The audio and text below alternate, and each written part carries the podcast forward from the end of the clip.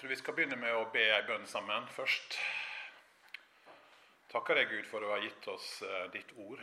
Og nå ber jeg om at du skal åpne opp ordet for oss. Og at du kan åpne våre hjerter for det som du vil eh, minne oss om og si oss og vise oss denne kvelden. Amen. Ja, da er vi klar til eh, Judas brev. Det var en som spurte om hvorfor vi valgte det. Eh, det var Johannes. Og da sa jeg det at det her er litt gjenbruk. For eh, i vår så hadde jeg eh, tre bibeltimer i Sykkylven sammen med andre, to andre pastorer. Og da tok vi ni brev i Det nye testamentet.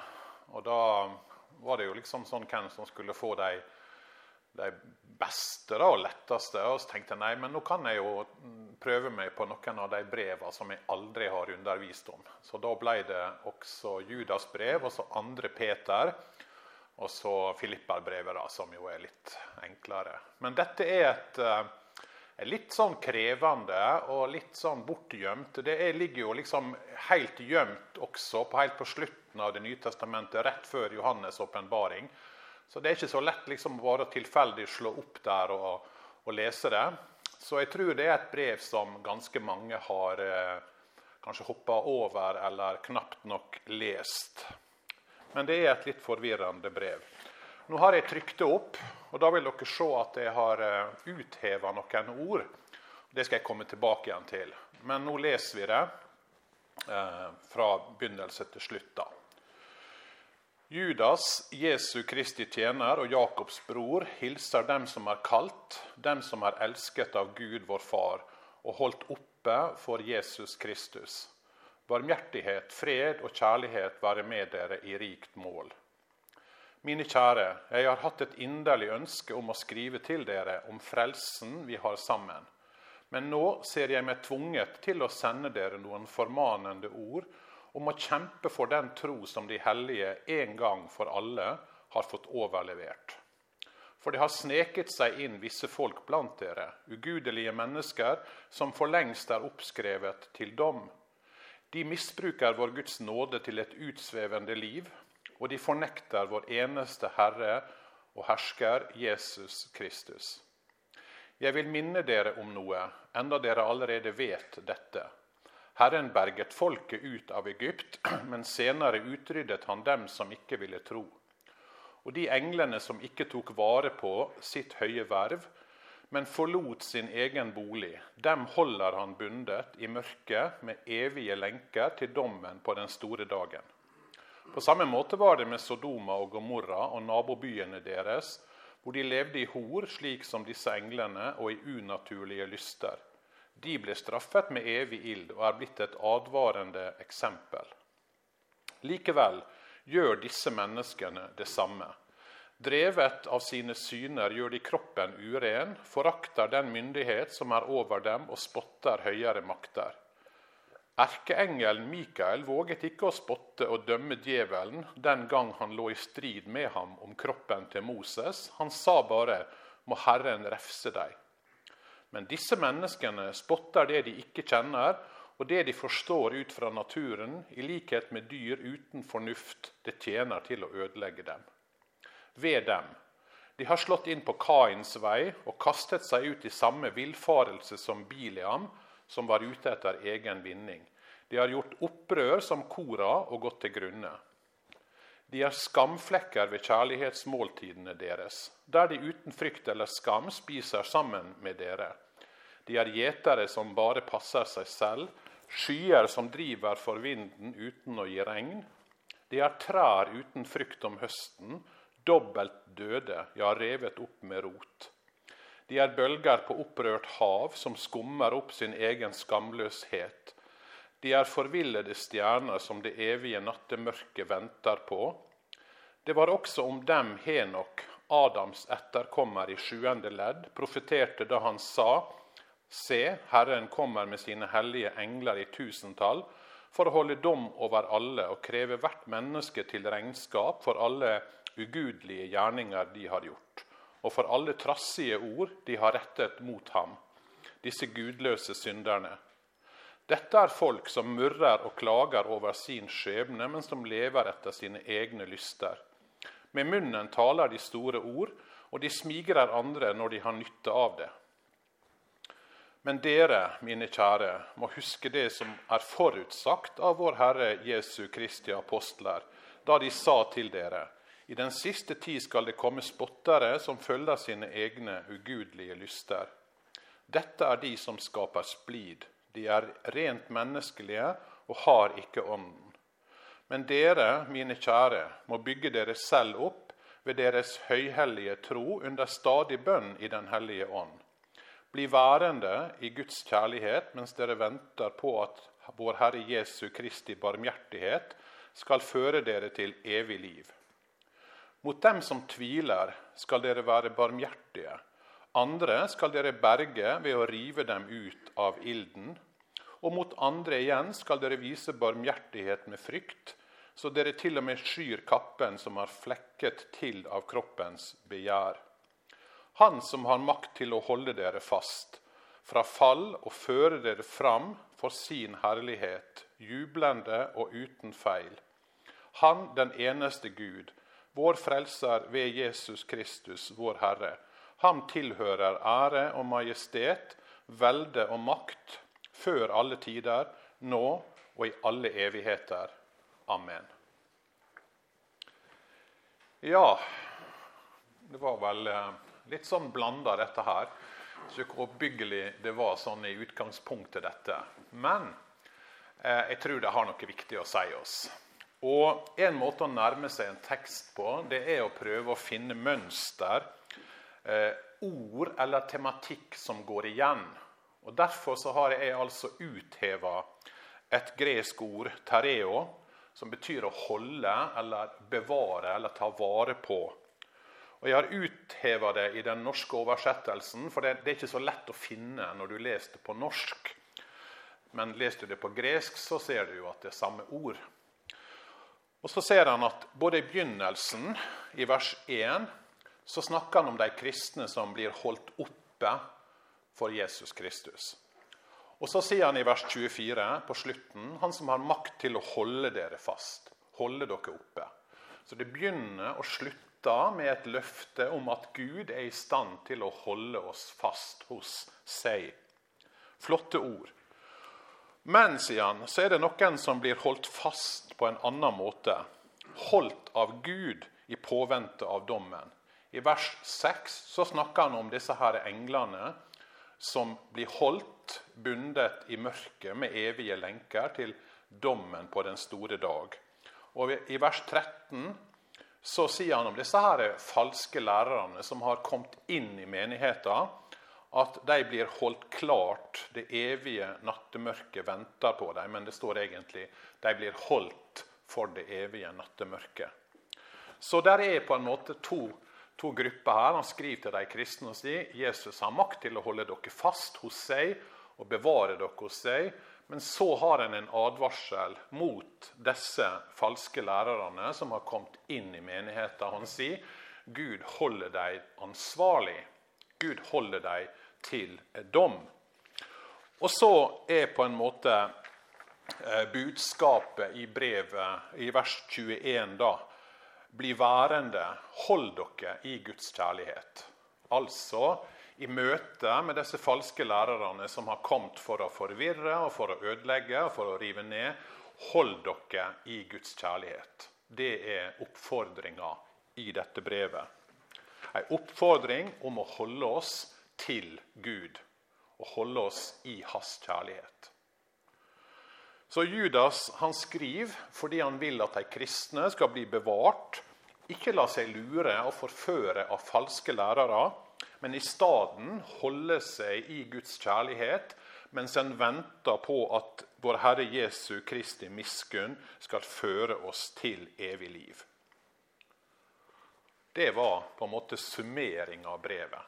Og Da har dere kanskje et litt bedre bilde av hva er det Judas prøver å skrive om. Og så er Det altså ikke et brev som vi bare kan lese og streke under noen vers her og der, men det er et utfordrende brev, for Judas kommer med en sterk formaning.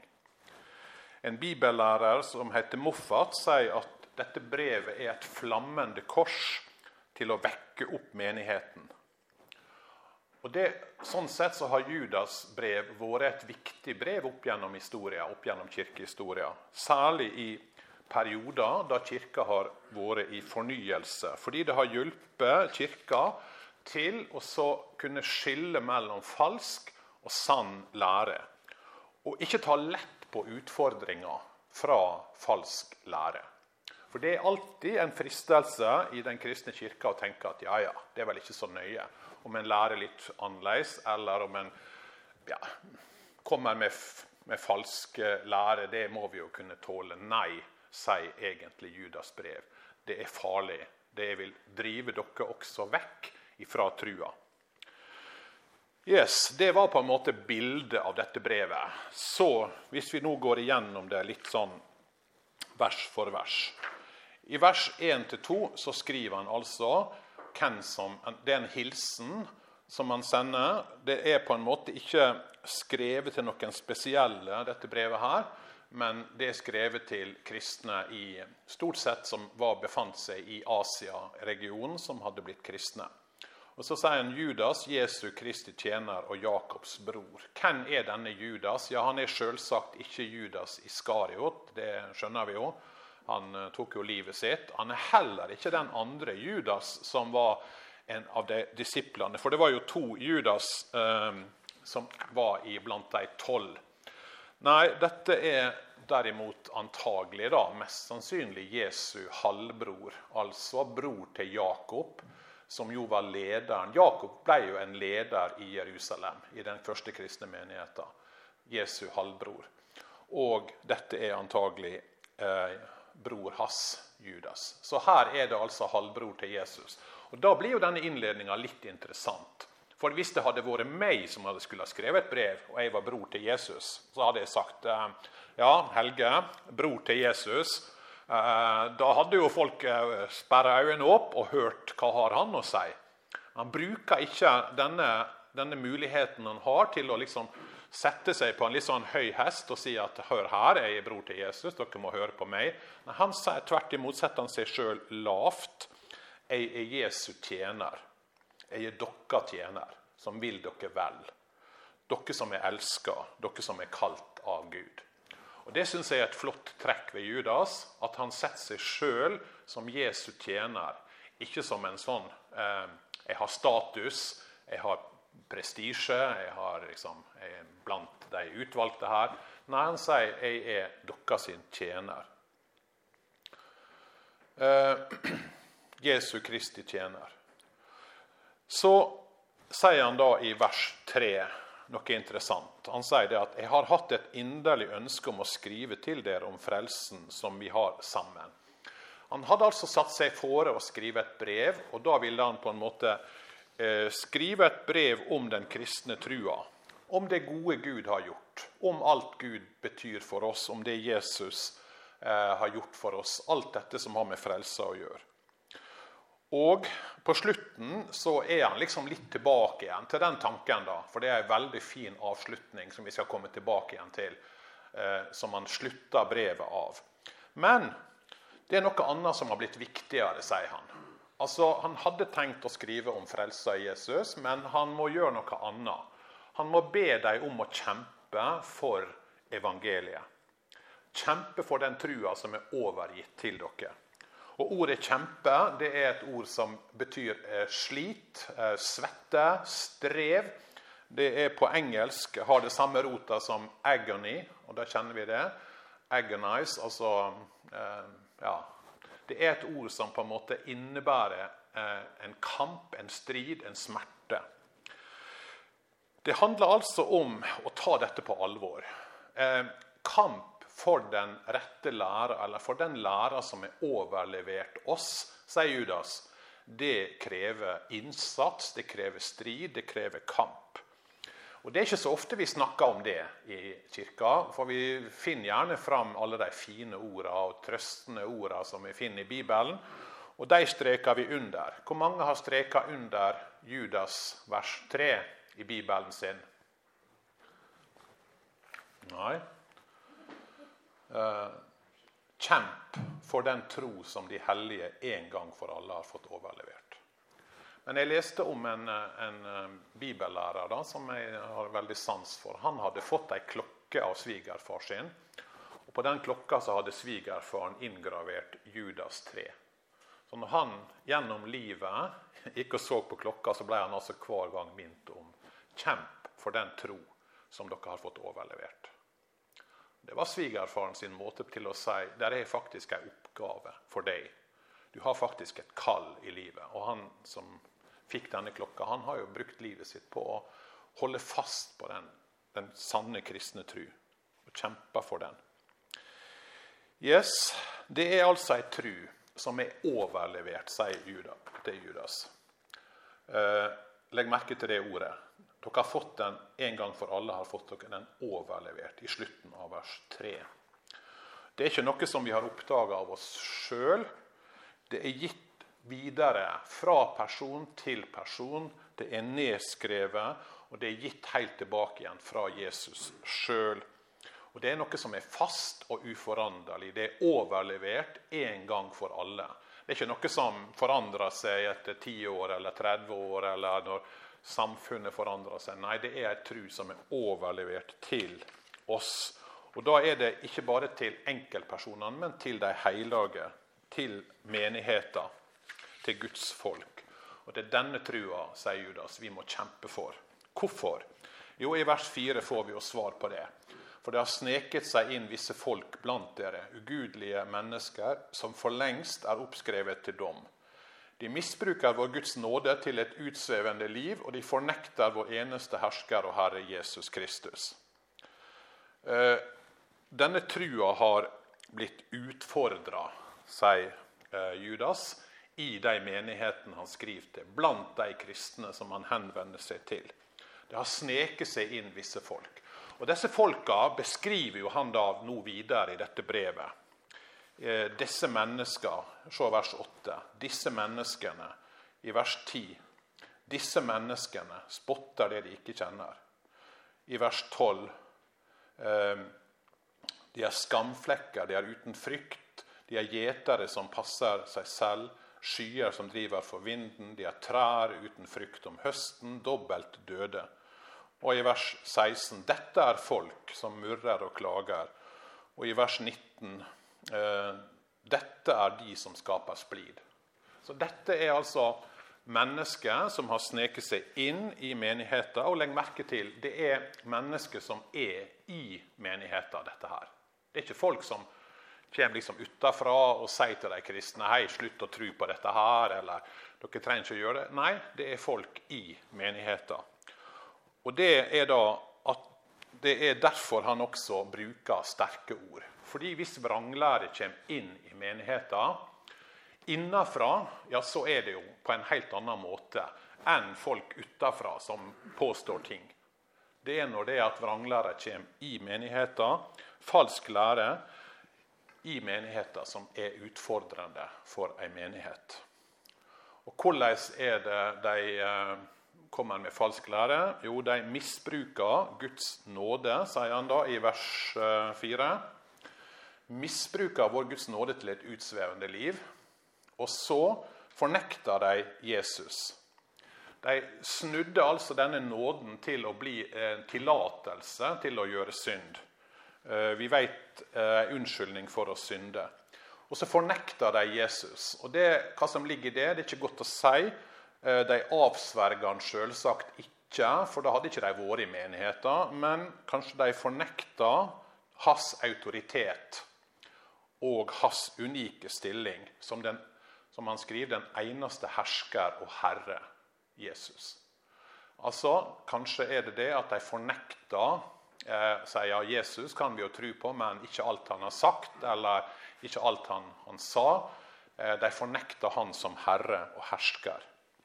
Så dette er utfordringa, derfor kommer altså dette brevet med en formaning han måtte legge vekk det han hadde tenkt å skrive, og så måtte han advare dem. For han sier dere står overfor en trussel som kan føre dere vekk fra det evige liv. Føre dere vekk fra trua. I tillegg til disse falske lærerne så kommer selvsagt presset også fra samfunnet rundt. Og La meg kort prøve bare å si hvordan var dette gresk-romerske samfunnet i den tida når Judas skriver.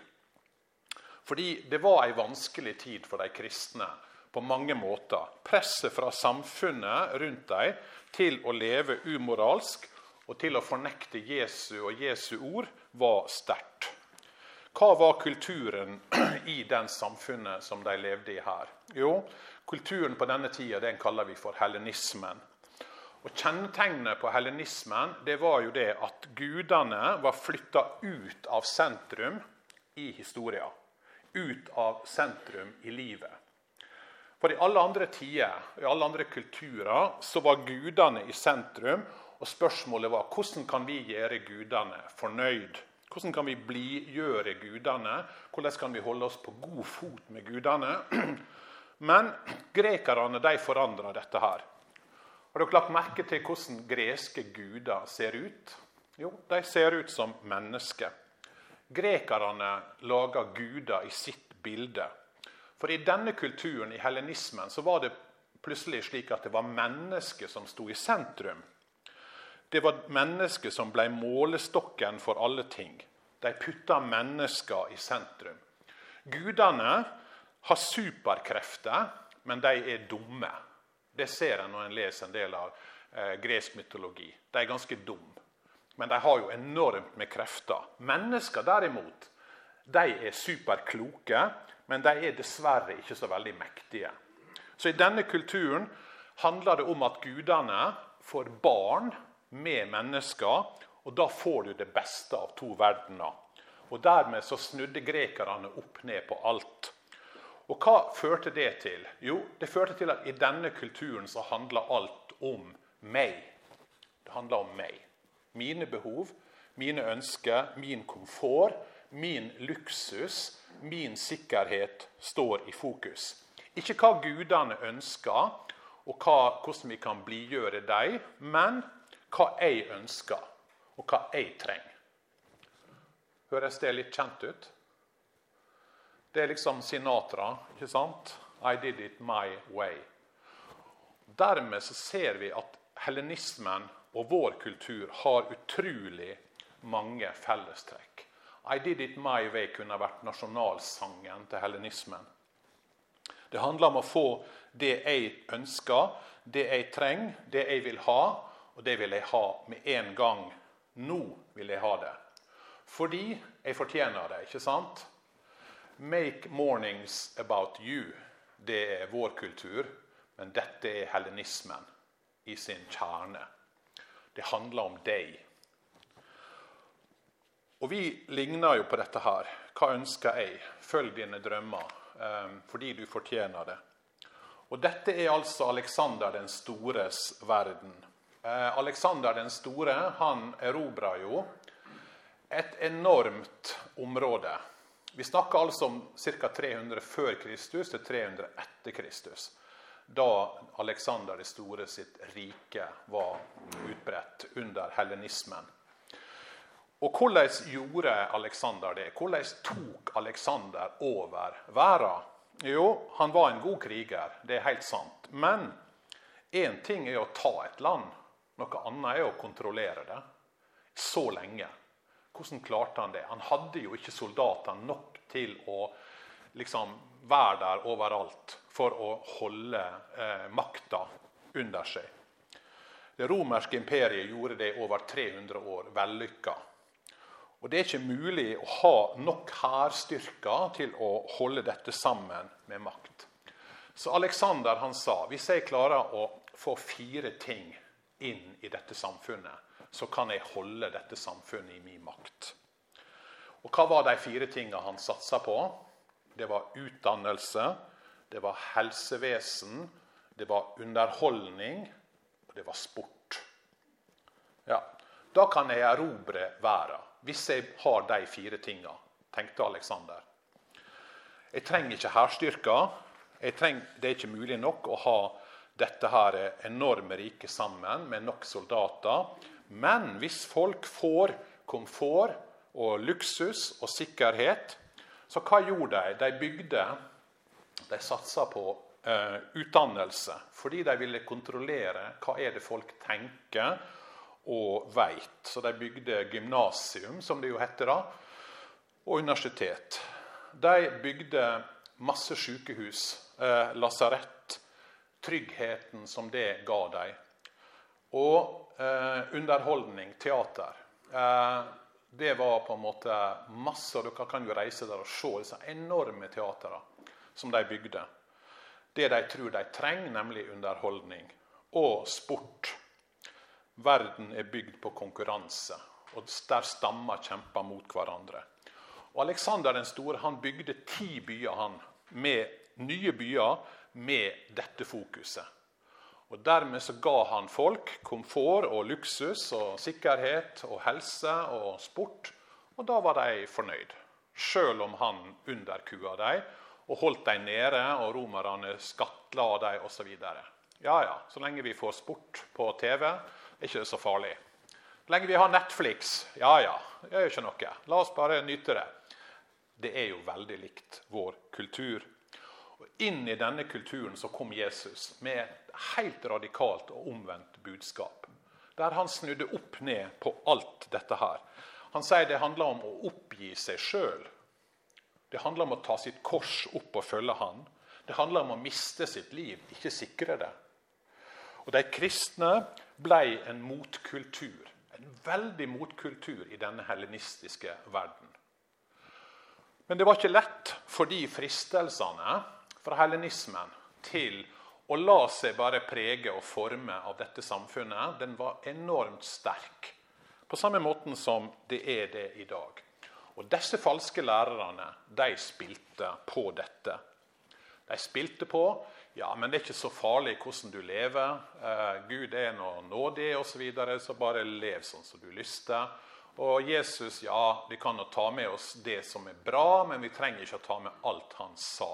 Og Dermed så spilte de fristelsene inn i også en kultur som frister de kristne med det samme. Og her tenker jeg at Judas brev kanskje treffer oss og vår kultur også. Hva er det de gjør da? Jo, han, eh, han da, Fra vers 5 til vers 16 så begrunner han og konkretiserer disse menneskene og han gjør det veldig sterkt, og han gjør det ved å henvise til deres egen historie og deres egne fortellinger og kjente personer. Og det her blir litt sånn komplisert, da, fordi at uh, han gir oss tre eksempel fra Bibelen, og så gir han oss tre eksempel på personer som uh, skal hjelpe oss. De tre gruppene han snakker om.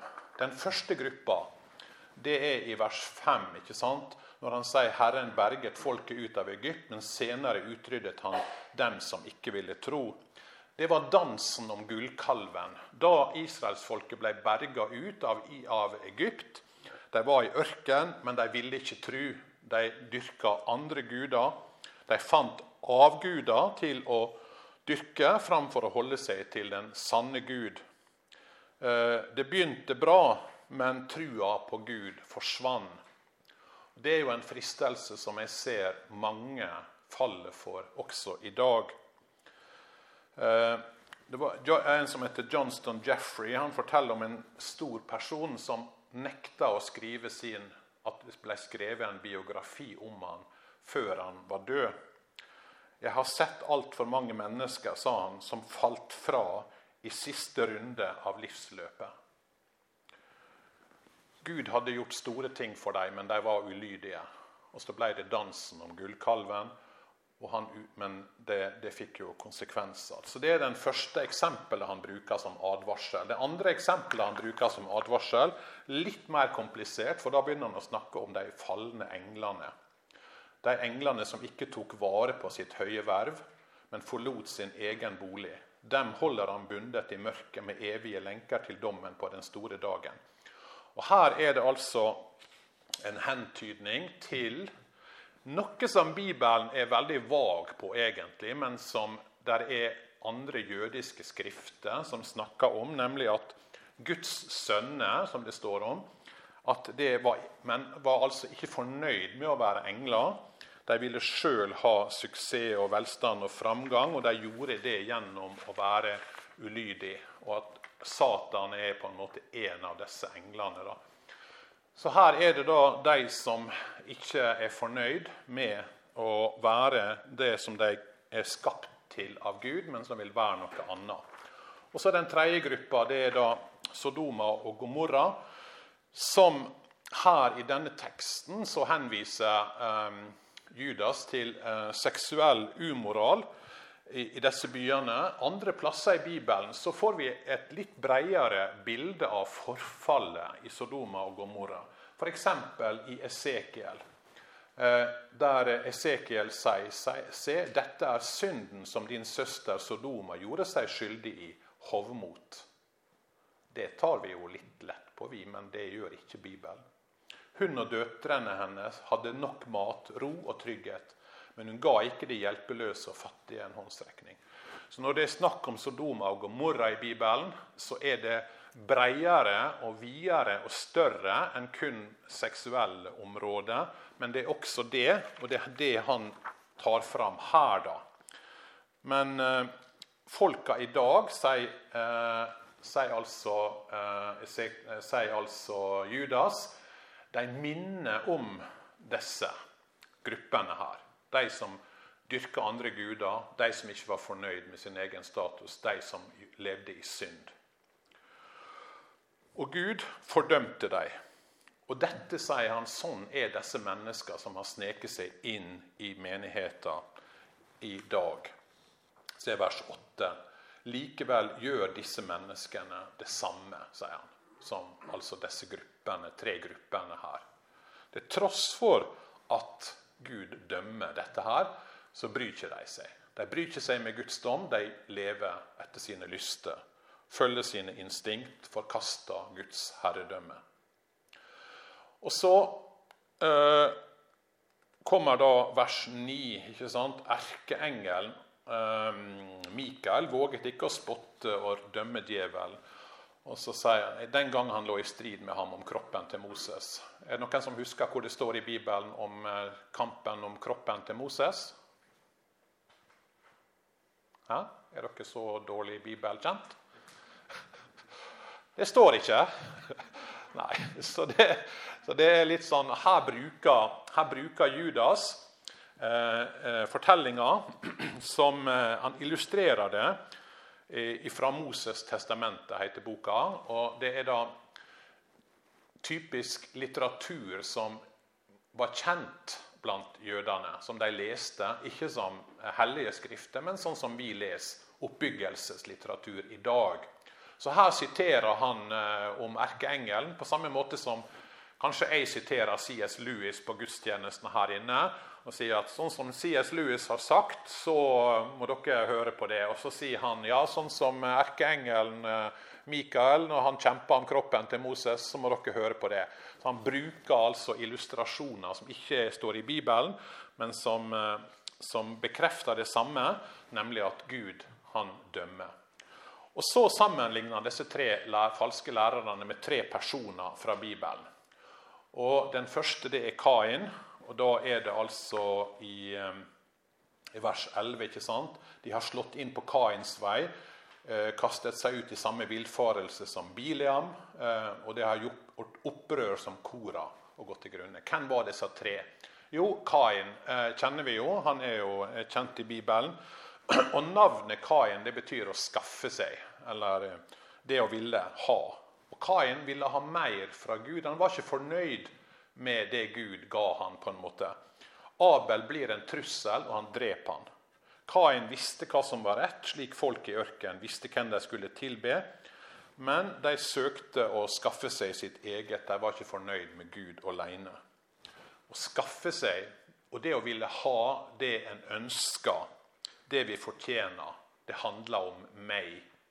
Hellenismen sier det, og disse falske lærerne sier det. Eh, du skal oppnå det du fortjener. Du skal oppnå det du har krav på, og det som er godt for deg, osv. Det er Kain sitt eksempel. Og så er det Biliam, da. Eh, han eh, husker dere kanskje. Men i Bibelen er jo Biliam et eksempel på den som fikk israelittene til å synde. Han er nevnt mange ganger. I Johannes' åpenbaring 2, vers 14. Men noe har jeg imot deg, sier Jesus. Du har noen hos deg, hos deg noen som holder seg til Biliams lære. Han som lærte Balak å sette en felle for israelsfolket, så de spiste avgudsoffer og drev hor. Så Her henviser Johannes' åpenbaring tilbake igjen til denne Biliam, som altså satte ei felle for israelsfolket. Og i 2. Peter også. Peter eh, sier det samme. For de har forlatt den rette vei og gått seg vill. De følger i samme spor som Biliam, Bosors sønn, han som elsket urettmessig vinning. Men han blir vist til rette for sin misgjerning et stumt esel talte med menneskestemme og stanset profeten i hans galskap. Dere husker kanskje Biliams esel. Det er, her, det er denne Biliam vi snakker om her. Og Han er da et eksempel, og i fjerde Mosebok så får vi på en måte konklusjonen her. da. Husk at det var disse som på Biliams ord lokket israelittene til å være troløse mot Herren, den gangen ved Peor, så det brøt ut pest i Herrens menighet. Så Biliam eh, blir altså et eksempel på eh, de som vil ha eh, vinning, og den som førte dem inn i, i eh, avgudsdyrking og seksuell umoral. Så han er et eksempel på både grådighet og på umoral. Og så Korab. Eh, vi trenger ikke å høre på deg, Moses, er Korab sitt eh, budskap i 4. Mosebok 16, der han gjorde opprør mot Moses og mot Guds ord. Han nekta å godta autoriteten i Guds ord. Vi bestemmer sjøl hva som er Guds ord. Og Så beskriver han da i vers 12-15 Det er jo egentlig et fantastisk lite avsnitt da, om, om hvordan disse falske lærerne er. Eh, han sier at de, de ødelegger kjærlighetsmåltida deres. De er gjetere som bare passer seg sjøl. Er ikke det et fantastisk bilde? En gjeter som passer bare seg sjøl. Hva slags gjeter er det? Tomme skyer. Skyer som lover regn, men som ikke gir det. Som ikke, som ikke gir den grøden som du hadde håpt på. De bringer ikke frukt, de er dobbelt døde. De er revne opp med rot. Sterke ord. Gud holder dem fast, sier Judas, til dommens dag. Og så siterer eh, han eh, Henoks bok eh, da i vers 14. Det er også en av de apokryfe bøkene. Ei kjent bok, første Henoks bok 1.9. Så her advarer altså Judas mot falske lærere i menigheten som er prega av den kulturen som er rundt dem, helenismen, og ikke av prega av Guds ord. Og Disse falske lærerne fører altså folket vill ikke teoretisk, men praktisk. De drar folk inn i seksuell umoral og avgudsdyrkelse, vekk fra trua og fra Guds ord. De er drevne av maktbegjær, de vil ha innflytelse og de vil ha velstand. Og de leder folk på avveie. Og Derfor, sier da Judas, må vi eh, kjempe for den sanne trua. Eh, og det gjør han da fra vers 17 og utover. Eh, først så minner han om det som, det som er forutsagt av Jesus sjøl og av apostlene, at det vil komme falsk lære eh, i den siste tid. Eh, og han har én kommando i dette her, og det er 'hold dere i Guds kjærlighet'. Og Det er på en måte det som er sentrum og budskap, som på samme måte som Jakob sier i, i kapittel 4. Vær lydige mot Gud, stå djevelen imot. Står det falske imot, står det usanne imot, så skal han flykte fra dere. Hold dere nær til Gud, så skal han holde seg nær til dere. Så Når han skal advare mot falsk lære, så beskriver ikke han alt som er falskt, men han prøver å si Beveg dere mot det som er sannheten, nemlig Jesus. Og Det er et godt tegn når skal når de, skal lære, når de skulle lære Nå er det jo ikke så mye falske myntneri lenger, men de som skulle lære seg til å avsløre falske penger. Hvordan lærer du opp en person til å avsløre falske penger? Ja, Du gjør det ikke ved å gi han masse sånne falske tusenlapper og si her er et sånn eksempel på eh, falsk, falske penger. Nei, du sitter med en ekte tusenlapp og kjenner på han, ser på han, studerer han eh, føler på han så lenge at når du får en falsk tusenlapp i hånda, så merker du at et eller annet ikke stemmer. Så, sånn at det er det samme prinsippet Judas her sier. Ikke liksom finn ut det og det og det, og der er noe falskt her, og liksom gå rundt på jakt etter alt dette her. Men hold dere i Guds kjærlighet. Hold dere nær til Jesus. Det er ved å holde seg til det sanne at en kan avsløre det falske. Kom i hug, da, sier han, det som apostlene sier. Og Det er da å ha tillit til Guds ord. Det er det som på en måte er visdommen her. Og Det kunne vi ha tatt mange vers fra Bibelen om, men det skal ikke jeg gjøre. Eh, men hvis dere vil notere, så er det 2. Peter 2, 1-3, 1. Johannes 4, og 2. Timotius 3.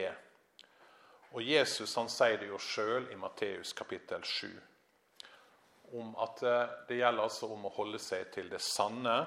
Bygge dere opp, dvs. Si, ta næring fra Guds ord og det kristne fellesskapet. Be alltid Den hellige ande. Det samme som Paulus sier i Feserne 6. Gjør dette i bønn, sier han. Og Så har han et veldig flott lite avsnitt her. Jeg vet ikke om dere la merke til det i vers 22. Mot dem som tviler, skal dere være barmhjertige.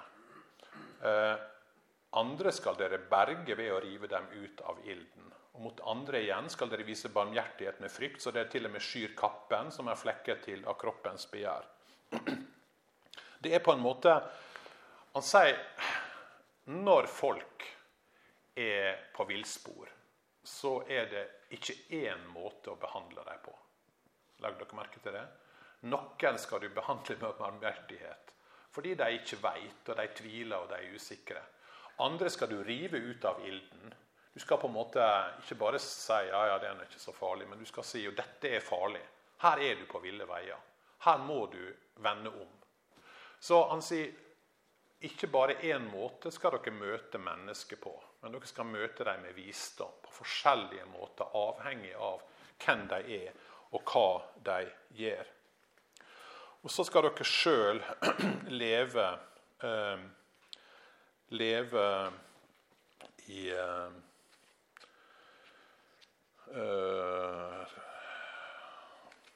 Ja, hva det var jeg tenkte nå? Ja, dere som det, ja, det er det som er sentrum at vi skal på en måte hvile i eh, at Gud holder oss, og så skal vi holde oss fast i Han. Og Det er på en måte litt sånn motseiende. ikke sant? Er det vi, eller er det Gud? Men det er begge deler. Gud skal holde oss, sier Judas, men vi skal også holde oss i Guds kjærlighet. Og så er det på en måte da en eh, avsluttende lovprisning eh, i vers 24 og 25 eh, som er veldig flott, og som noen menigheter bruker som avslutning på gudstjenestene sine. Ikke sant? Den som Han, den eneste Gud, vår frelser, Jesus Kristus, vår Herre, ham tilhører ære og majestet, velde og makt før alle tider, nå og i alle evigheter. Så Mange menigheter rundt om i verden bruker dette som en sånn siste hilsen eller siste lovprisning til Gud.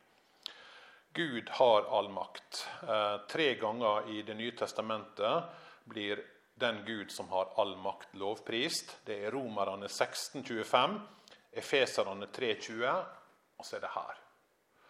Så han avslutter på en måte med, med det er et fantastisk eh, løfte. da. Gud har makt.